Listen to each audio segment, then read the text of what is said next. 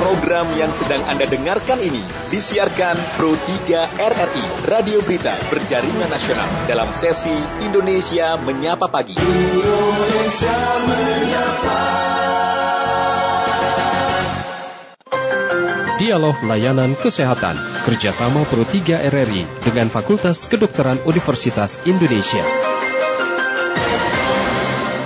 Pendengar kita bersama di dialog layanan kesehatan pagi ini. Nah ini untuk Anda yang baru punya baby begitu ya, untuk ibu-ibu di rumah. Nah biasanya kalau buah hati Anda yang baru lahir itu e, dengan tubuh berwarna kekuningan pendengar.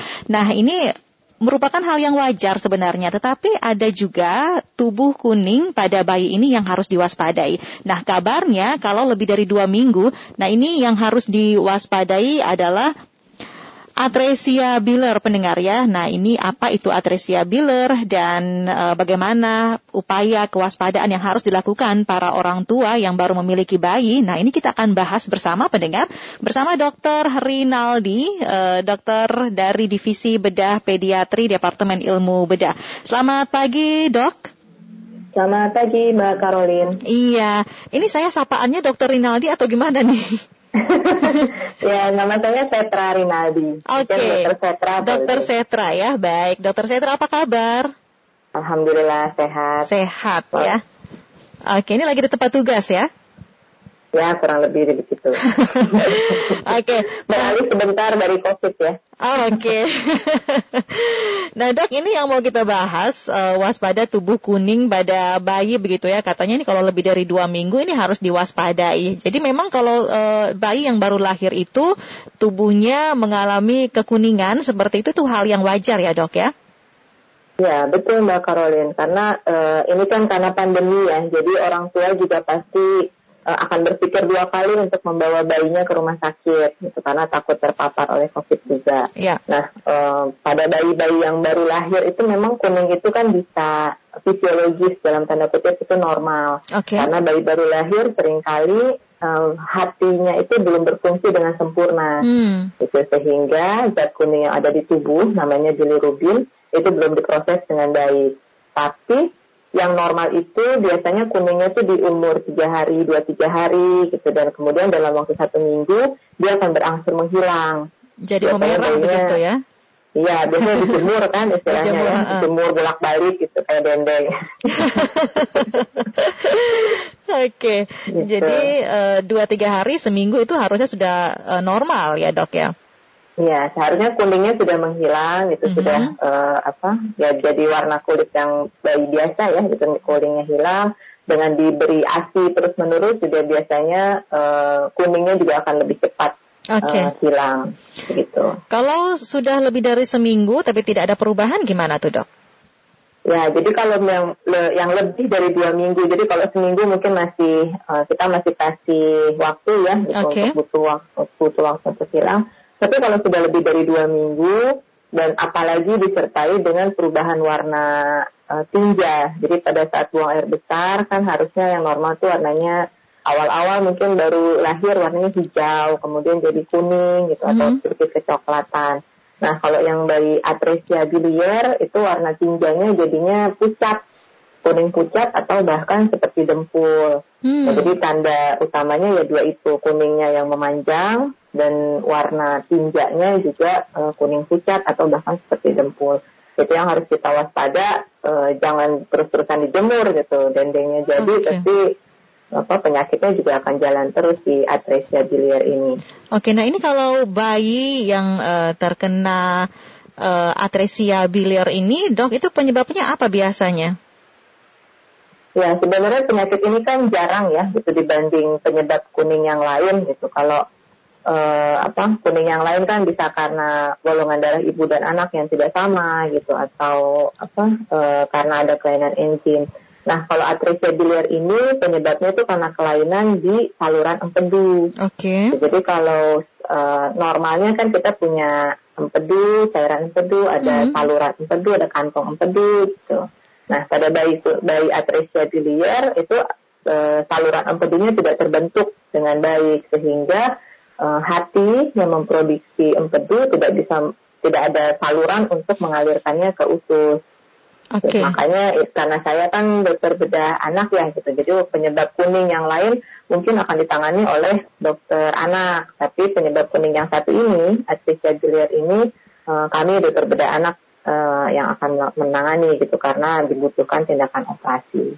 Oke, nah ini kalau di rumah orang tua sudah mendapati kondisi anaknya seperti tadi ya sudah dua minggu, tapi kok e, kuningnya tidak berangsur hilang seperti itu ya atau tidak kembali normal begitu ya, sebagaimana bayi lainnya. Dan juga tadi e, melihat tandanya itu hanya ditinja saja begitu ya dok ya, atau ada tanda-tanda lain juga nih yang bisa dikenali para orang tua?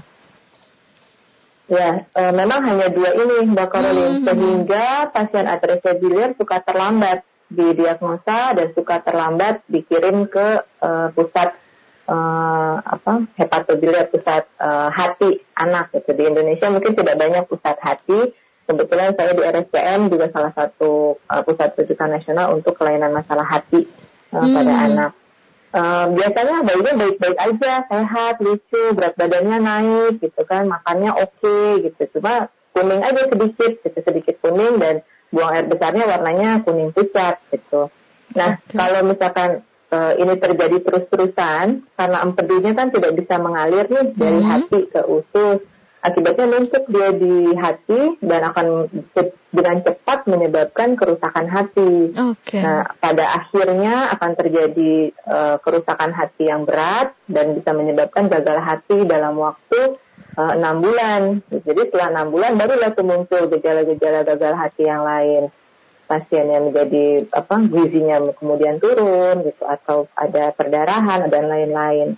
Nah, oh, sehingga memang harus dirujuk dengan cepat begitu sudah uh, ada kecurigaan ya dengan dua gejala itu saja kuning yang tidak hilang dan buang air besarnya tinjanya berwarna pucat harus segera dirujuk untuk uh, kami yang akan evaluasi apakah ini atresia biliar atau bukan.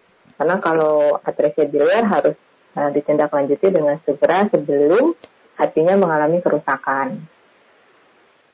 Oke dok, lalu ini kalau orang tua sudah mendapati tanda-tanda itu, jadi seharusnya sesegera mungkin begitu ya menghubungi uh, dokter atau fasilitas kesehatan gitu ke rumah sakit ya dok sebaiknya. Ya betul, karena sekarang sedang pandemi sebenarnya kan untuk online juga bisa ya. ya. Gitu. Jadi untuk konsultasi pertama silahkan uh, secara online. Walaupun untuk bayi-bayi baru lahir sebenarnya kan ada jadwal rutin untuk imunisasi di bulan pertama gitu di apa di umur satu bulan maksud saya. Nah jadi kalau misalkan sudah uh, dua minggu tidak ada perbaikan kuningnya gitu anaknya sehat-sehat saja, nah itu mungkin sebelum jadwal imunisasi pun uh, sudah harus berkonsultasi misalnya secara online dan okay. pada saat jadwal imunisasi harus diperiksa dengan lebih teliti, dengan lebih lengkap dan uh, dilakukan rujukan untuk kita evaluasi ini betul atresia atau bukan. Oke, begitu. Nah, ini setelah didiagnosa uh, sudah tahu kalau ini memang positif uh, menderita penyakit tersebut. Nah, ini akan ditindaklanjuti dengan operasi saja tadi seperti yang kata dokter atau ada terapi obat-obatan semacam itu untuk para bayi? Ya itu dia masalahnya. Jadi uh, kalau misalkan apa ibu-ibu punya bayinya kuning kan mungkin awalnya ya merasa ini normal fisiologis akan menghilang sendiri. Tapi begitu kita evaluasi, kita periksa lab darahnya, kita lakukan USG perutnya, kemudian uh, kita mencurigai ini adalah atresia biliar. Mm -hmm. Nah perjalanan selanjutnya cukup berat dan panjang gitu sehingga uh, apa ya orang tua biasanya cukup stres gitu ya karena sedih bahwa bayinya harus menjalani operasi. Biasanya kami akan melakukan operasi sebelum usianya 2-3 bulan. Oh. Jadi bayi kecil tapi harus menjalani operasi yang besar gitu karena kami harus membuatkan saluran empedu. Kan dia tidak punya salurannya nih. Jadi hmm. kami buatkan saluran empedu buatan dari usus. Itu operasinya mungkin sekitar 6-8 jam dan tidak semuanya berhasil oh, gitu, karena mm-hmm. uh, karena kan uh, hatinya sudah mengalami kerusakan. Lebih dari tiga bulan seperti ini tanpa saluran empedu uh, apa uh, bisa mengalirkan empedunya hati itu akan betul-betul rusak. Sehingga uh, walaupun sudah dibuatkan saluran baru kadang-kadang tidak berfungsi lagi dengan baik. Gitu. ujung-ujungnya uh, banyak pasien yang kemudian harus menjalani transplantasi hati Okay. Jadi cangkok ya, mm -hmm. jadi cangkok dari hati uh, orang yang sehat diambil sepertiganya gitu untuk dicangkokkan ke bayinya. Nah, kalau uh, sudah dilakukan operasi sebelum usia dua bulan, nama operasinya Kasai. Itu Kasai itu nama profesor Jepang yang mengembangkan metode ini. Nah, kalau misalnya kita bisa lakukan operasi dengan segera, umumnya pasien sekitar 70-80% bisa membaik dan uh, kalaupun dia butuh transplantasi, kalaupun dia butuh cangkok hati, mungkin di usianya sudah tua, jadi umur 20-an gitu, baru dia hatinya mengalami kemunduran dan uh, butuh cangkok. Tapi kalau misalkan tidak dilakukan kasai, nah biasanya sebelum usia tahun dua tahun, dia tidak akan bisa bertahan bayinya tanpa dilakukan cangkok. Oke, gitu. nah itu kalau misalnya yang tadi kata dokter sampai dia usia dewasa baru melakukan pencangkokan, uh, dengan tenggang waktu sejauh itu dari usia bayi sampai usia dewasa uh, tidak ada uh, dampak atau efek uh, samping lain seperti itu dok? Ya, jadi operasi kasar ini seperti kita uh, dalam tanda kutip membeli waktu ya, gitu. Jadi uh, apa? Kita menunda operasi cangkok hatinya sampai uh, ya kapan hatinya kemudian tidak sanggup lagi bekerja dengan baik gitu. Oke, jadi uh, semua operasi memang punya komplikasi dan itu macam-macam, tapi secara umum ya terapi untuk atresia biliar adalah operasi kasai sebelum usianya tiga bulan. Gitu. Kalau lebih dari tiga bulan, maka biasanya kami tidak lagi melakukan operasi kasai, tapi akan kami sarankan dan persiapkan untuk cangkok hati. Cangkok hati. Nah Betul. ini kalau uh, sejauh ini ya dok ya kasus yang ada di Indonesia ini untuk uh, masalah dari atresia biliar ini uh, ini gimana nih uh, banyak begitu yang harus melakukan cangkok hati akhirnya dok? Ya karena itu tadi bahwa yang dirujuk ke kami sudah di usia lebih dari tiga bulan gitu. Walaupun kejadiannya memang tidak banyak ya, jadi mungkin satu dari 8.000 sampai 1.500 bayi yang lahir hidup itu uh, mengalami atresia biliar dan yang datang ke kami sebelum usia tiga bulan itu uh, mungkin hanya 30-40 persen, sisanya okay. datangnya sudah lebih tua dari tiga bulan sehingga ya mau tidak mau kita jadwalkan untuk uh, cangkok hati. Hmm. Yang jadi masalah cangkok hati di Indonesia itu sampai saat ini tidak banyak center yang uh, melakukan dan bahkan yang melakukan secara rutin hanya RSCM, jadi hanya okay. di Jakarta gitu dan apa dengan pandemi ini juga tentunya kami uh, terbentur ya gitu dengan segala masalah prokesnya gitu sementara pasien cangkok hati kan juga butuh uh, apa penanganan secara spesial ya, gitu sehingga antrian kami panjang gitu antrian anak bayi-bayi yang butuh dilakukan cangkok hati. Oke, jadi gitu. ini ada tantangan juga begitu ya, cangkok hati ini juga uh, sulit begitu untuk di Indonesia.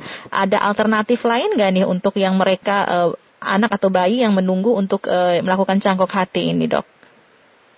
Ya, uh, sedihnya demikian begitu karena memang tidak ada terapi hmm. lain untuk uh, menangani masalah atresia biliar ini. Walaupun ada beberapa obat yang bisa diberikan untuk uh, apa memberi waktu seperti tadi okay. gitu ya. Uh, hanya bersifat sementara gitu ya dok ya? Betul, bersifat sementara, bersifat masih trial gitu untuk mencoba mencegah hatinya memburuk dengan cepat. Oke, jadi memang satu-satunya cara tadi harus ditindak secara cepat dan orang tua ya ini um, yang harus mengawasi betul mengetahui tanda-tandanya secara uh, cepat dan tepat ya dok ya. Kalau tidak ya uh, terlambat seperti itu ya. Ya betul, karena memang uh, apa? Karena penyakitnya jarang, tapi begitu kita dapatkan diagnosanya atresia biliar, ya kita harus segera gitu. Dan kalau memang uh, ingin ditangani secara paripurna, maka uh, apa? Ya butuh uh, bantuan dari banyak dokter, dari banyak uh, ya, sumber daya bukan hanya manusia ya, tapi juga biaya, mm -hmm. dan juga apa? Kadang-kadang kalau pasiennya BPJS mungkin harus uh, didukung oleh pemerintah daerah untuk bisa dikirim ke Jakarta gitu dan sebagai hal lain banyak yang berpengaruh di sini dan kebetulan hanya karena cangkok hati hanya di RSCM sehingga uh, yang secara rutin melakukan cangkok baru di RSCM okay. ya mau nggak mau Indonesia datangnya ke sini, nantinya kemari. Baik. Nah dok kita uh, terima pendengar juga ya bergabung bersama kita pagi ini ya dok ya. Baik, baik. Nah, untuk Anda pendengar yang mau bergabung silakan di 021 352 3172 atau di 021 384 4545 dan di 021 386 6712 atau bisa melalui WhatsApp pendengar ya di 081 399 399 888. Nah, ini untuk Anda yang ingin uh, bertanya begitu ya terkait dengan penyakit atresia atresia biliar ini, kita dengan uh, dokter bedah anak ya pagi ini sudah ada Pak Udin di Boyolali. Pak Udin, selamat pagi. Selamat pagi, Assalamualaikum warahmatullahi wabarakatuh. Iya, Pak Udin silakan ini uh, kita dengan Dokter Setra. Ya, Departemen Ilmu Bedah dalam Sebenarnya uh, kalau ibu-ibu yang lahirin normal tuh uh, kayak gimana sih Bu? Habis itu uh, lahiran normal dengan yang sesar tuh uh, bagusan yang Jadi kan cuma satu. Assalamualaikum warahmatullahi wabarakatuh. Oke, Pak Udin, mohon maaf ini yang uh, kita fokusnya di ini ya penyakit kuning pada bayi dan uh, dok mungkin ini uh, dimaksud Pak Udin apakah proses uh, kelahiran seperti itu ya antara normal dan uh, operasi sesar ini juga bisa mempengaruhi begitu uh, penyakit atresia biliar ini dok? Atau memang ini tidak ada pengaruhnya sama sekali nih dok? Iya betul Mbak Karolin bahwa mau lahirnya normal ataupun sesar uh, tidak ada hubungan dengan bayinya akan mengalami kuning atau tidak juga tidak akan tidak ada hubungan dengan dia akan mengalami atresia biliar atau tidak. Hmm. Jadi uh, silahkan saja mau uh, bayi mau lahir normal ataupun sesar sesuai dengan masalah yang dihadapi ya kalau misalkan dia tidak bisa lahir normal ya tentu dokter akan menyarankan untuk dilahirkan secara sesar agar ibu dan bayinya selamat. Oke, nah untuk anda lainnya juga ini bisa bergabung ya di 021 352 3172 atau di 021 384 4545 dari Jember ini ada Pak Abdullah. Pak Abdullah. Halo, selamat siang. Iya. Waalaikumsalam Pak Abdullah. Waalaikumsalam. Selamat siang Ibu Dokter Hmm, silakan ya, Pak Abdullah. Karolin. Iya. Ini Mbak, pertanyaan saya ada dua. Ini asli suara rakyat kecil ya. Uh, begini Mbak, seandainya ada ibu hamil ya, peraw perawatannya sudah luar biasa ya. Uh, perawatannya sudah luar biasa, lahirnya gampang Mbak. Ini ukuran orang menengah ke bawah gitu. Masih tetap dibawa ke rumah sakit, dioperasi, di di apa-apain pokoknya. Oke, Pak Abdullah. Nah, ini kita uh, pendengar yang kita bahas pagi ini terkait dengan penyakit atresia biliar begitu. Nah, Dok, ini sebenarnya untuk uh, para ibu hamil begitu ya, ketika mengandung. Nah, ini uh, bisa nggak nih ada treatment atau hal-hal yang bisa dilakukan oleh ibu hamil untuk mencegah terjadinya uh, bayi kuning ya dan ini dampaknya sampai ke atresia uh, biliar ini, Dok? Ya, baik. Uh, memang penyebab untuk atresia biliar secara spesifik masih dalam tahap uh, apa uh, penyelidikan ya gitu untuk penyebab uh, pastinya yang apa. Tapi secara umum untuk semua ibu hamil, untuk semua ibu-ibu para pendengar Pro 3 RRI, uh, menjaga kehamilan itu tentunya dengan sepenuh hati gitu. Menjaga makanannya menjaga tidur yang cukup. Okay. kemudian olahraga juga harus cukup gitu. Dan sehingga secara umum kehamilannya dapat berjalan dengan baik. Dan tentunya kontrol yang rutin entah ke dokter atau ke bidan itu juga akan membantu untuk uh, proses persalinan dan selanjutnya juga bisa diprediksi gitu apakah uh, akan uh, baik atau tidak atau jangan-jangan ada sesuatu yang harus kita waspadai sejak dari masa kehamilan. Seperti itu Mbak Karolin. Oke, itulah kenapa kalau ibu hamil itu harus rutin uh, cek kehamilan seperti itu ya dok ya? Ya betul, jangan tiba-tiba udah bulan-bulan ayo lahiran. Oke dok, jadi ini uh, yang penting jaga kesehatan untuk ibu hamil begitu ya, makan makanan sehat, istirahat, uh, rajin cek dari awal kehamilan sampai menjelang kelahiran supaya tahu begitu ya kondisi kandungannya, sehingga ini untuk atresia biliarnya juga ini bisa uh, terhindarkan begitu ya dok ya?